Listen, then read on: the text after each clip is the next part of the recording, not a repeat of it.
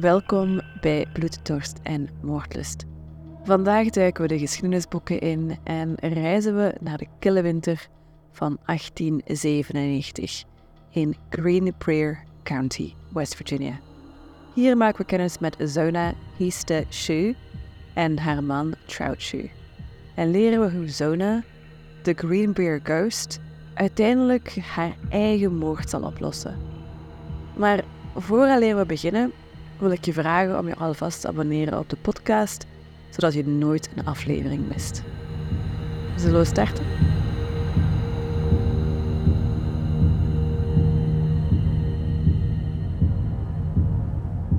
In het schilderachtige Green Bear County, genesteld tussen de glooiende heuvels van West Virginia, werd de vredige stilte van de winter van 1897 verstoord door een huiveringwekkende ontdekking. In een bescheiden huisje, omringd door versgevallen sneeuw, lag het levenloze lichaam van Zona Histe Shu. Deze jonge vrouw, bekend om haar levendige persoonlijkheid en sprankelende lach, was plots en onverwachts overleden. Het nieuws verspreidde zich als een lopend vuurtje door het kleine stadje. Buren fluisterden achter gesloten deuren en de straten waren gevuld met gemompel en speculatie. Hoe kon Zona, in de bloei van haar leven, zo plotseling sterven? De gemeenschap zocht naar antwoorden, maar vond er amper. De plaatselijke arts die het lichaam onderzocht, kon geen duidelijke oorzaak van de dood vaststellen. In plaats daarvan schreef hij haar overlijden toe aan een eeuwige flauwte, een vage term die in die tijd vaak werd gebruikt wanneer de doodsoorzaak onbekend was. Maar te midden van de rouw en verwarring was er één persoon die meer vragen opriep dan dat hij antwoordde. Zona's echtgenoot, Erasmus Stripling Trout Shoe.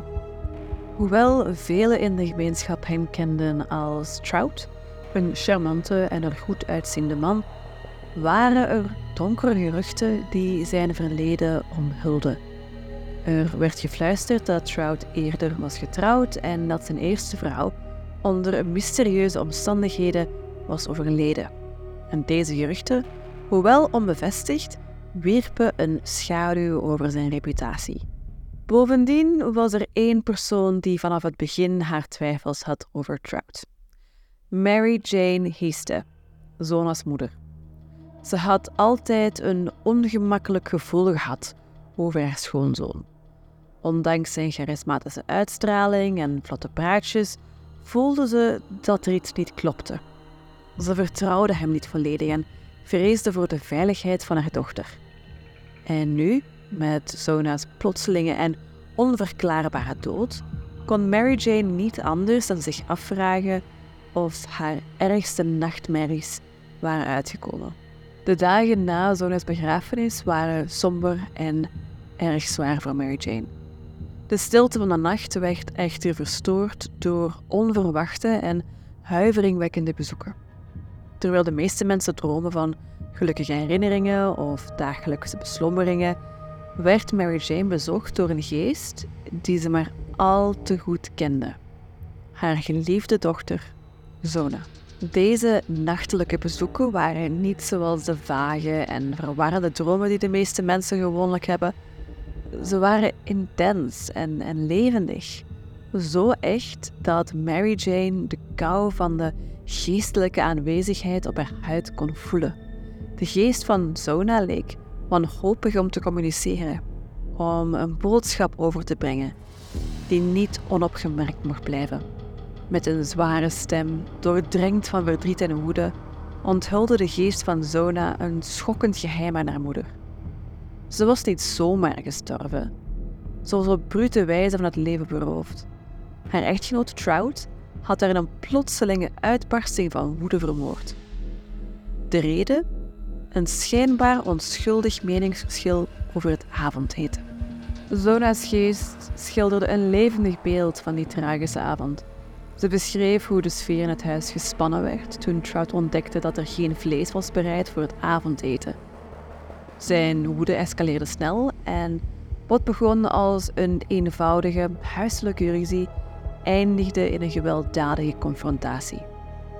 In een vlaag van ongecontroleerde woede greep Stroud Zona bij de keel, draaide haar nek met brute kracht om en liet haar levenloos achter. Deze onthullingen waren zowel verontrustend als verhelderend voor Mary Jane. Ze wist nu wat er echt was gebeurd op die noodlottige dag en was vastbesloten om gerechtigheid te zoeken voor haar dochter. Ze zocht de lokale sheriff op en deelde het verontrustende verhaal van haar nachtelijke bezoeken. Ze smeekte hem om de zaak te heropenen en de mysterieuze omstandigheden rond Zona's dood grondig te onderzoeken. Hoewel het idee van een sprekende geest voor velen moeilijk te geloven was, kon de sheriff niet negeren dat er al geruchten en speculaties waren over Trout's duister verleden en zijn mogelijke betrokkenheid bij andere verdachte sterfgevallen. De autoriteiten besloten uiteindelijk om Zona's lichaam op te graven voor een gedetailleerde autopsie. De spanning was te snijden toen de doodskist werd geopend en de stille resten van Zona werden blootgelegd. De forensisch patholoog begon zorgvuldig het lichaam te onderzoeken. Hij zocht naar tekenen van geweld of andere aanwijzingen die licht konden werpen op de ware oorzaak van haar dood. De bevindingen van de autopsie waren zowel onthullend als huiveringwekkend. Het bevestigde de woorden van de geest die Mary Jane had bezocht. Zona's nek was op een gewelddadige manier gebroken en haar luchtpijp was verpletterd, alsof ze met brute kracht was gewurgd. Deze gruwelijke ontdekking bevestigde wat Mary Jane diep van binnen al wist. Haar dochter was op brute wijze vermoord. De gemeenschap was geschokt door deze onthulling. Wat eerst werd afgedaan als een natuurlijke dood, was nu onmiskenbaar moord. En natuurlijk viel de schaduw van verdenking Trout Shue. De arrestatie van Trout Shue zorgde voor opschudding in Green Bear County. De man die ooit bekend stond om zijn charme en charisma, stond nu in de schijnwerpers als hoofdverdachte in een gruwelijke moordzaak. De geruchtenmolen draaide op volle toeren en het hele stadje wachtte met ingehouden adem op het begin van het proces. De rechtszaal zat overvol toen het proces begon. Nieuwsgierige burgers, journalisten en familieleden van zowel het slachtoffer als de verdachte vulden de banken. Allemaal zoekend naar antwoorden. De getuigenis waar iedereen het meest naar uitkeek, was die van Mary Jane Heaster. Toen ze het getuigenbankje betrad, kon je een speld horen vallen in de rechtszaal. Met vastberadenheid in de ogen vertelde ze het ongelooflijke verhaal van de geestelijke bezoeken van haar dochter. Ze beschreef in detail hoe de geest van Zona haar had bezocht, onthullend hoe ze was vermoord en door wie.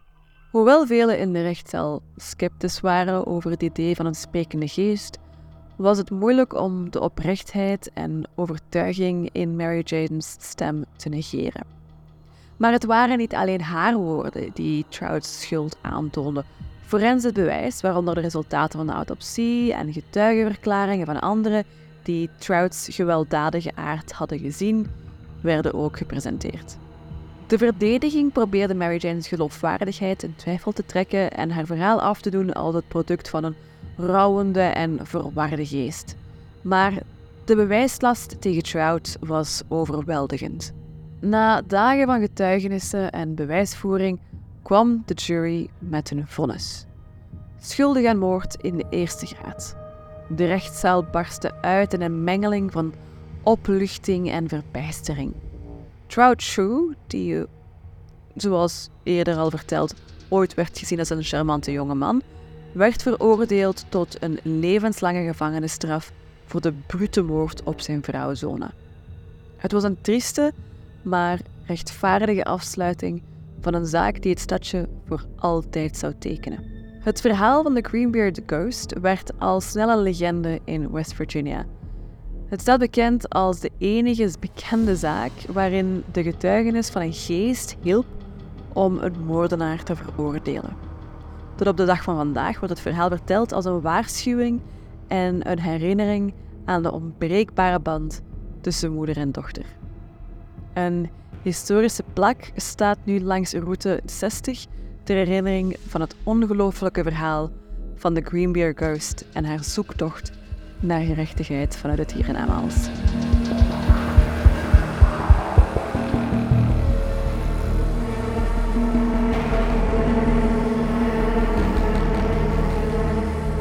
Nu, wat denk jij?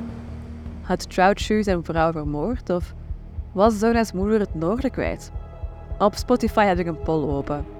Alvast bedankt voor het luisteren en ik zie je volgende week weer voor meer True Crime. Tot dan, als je durft.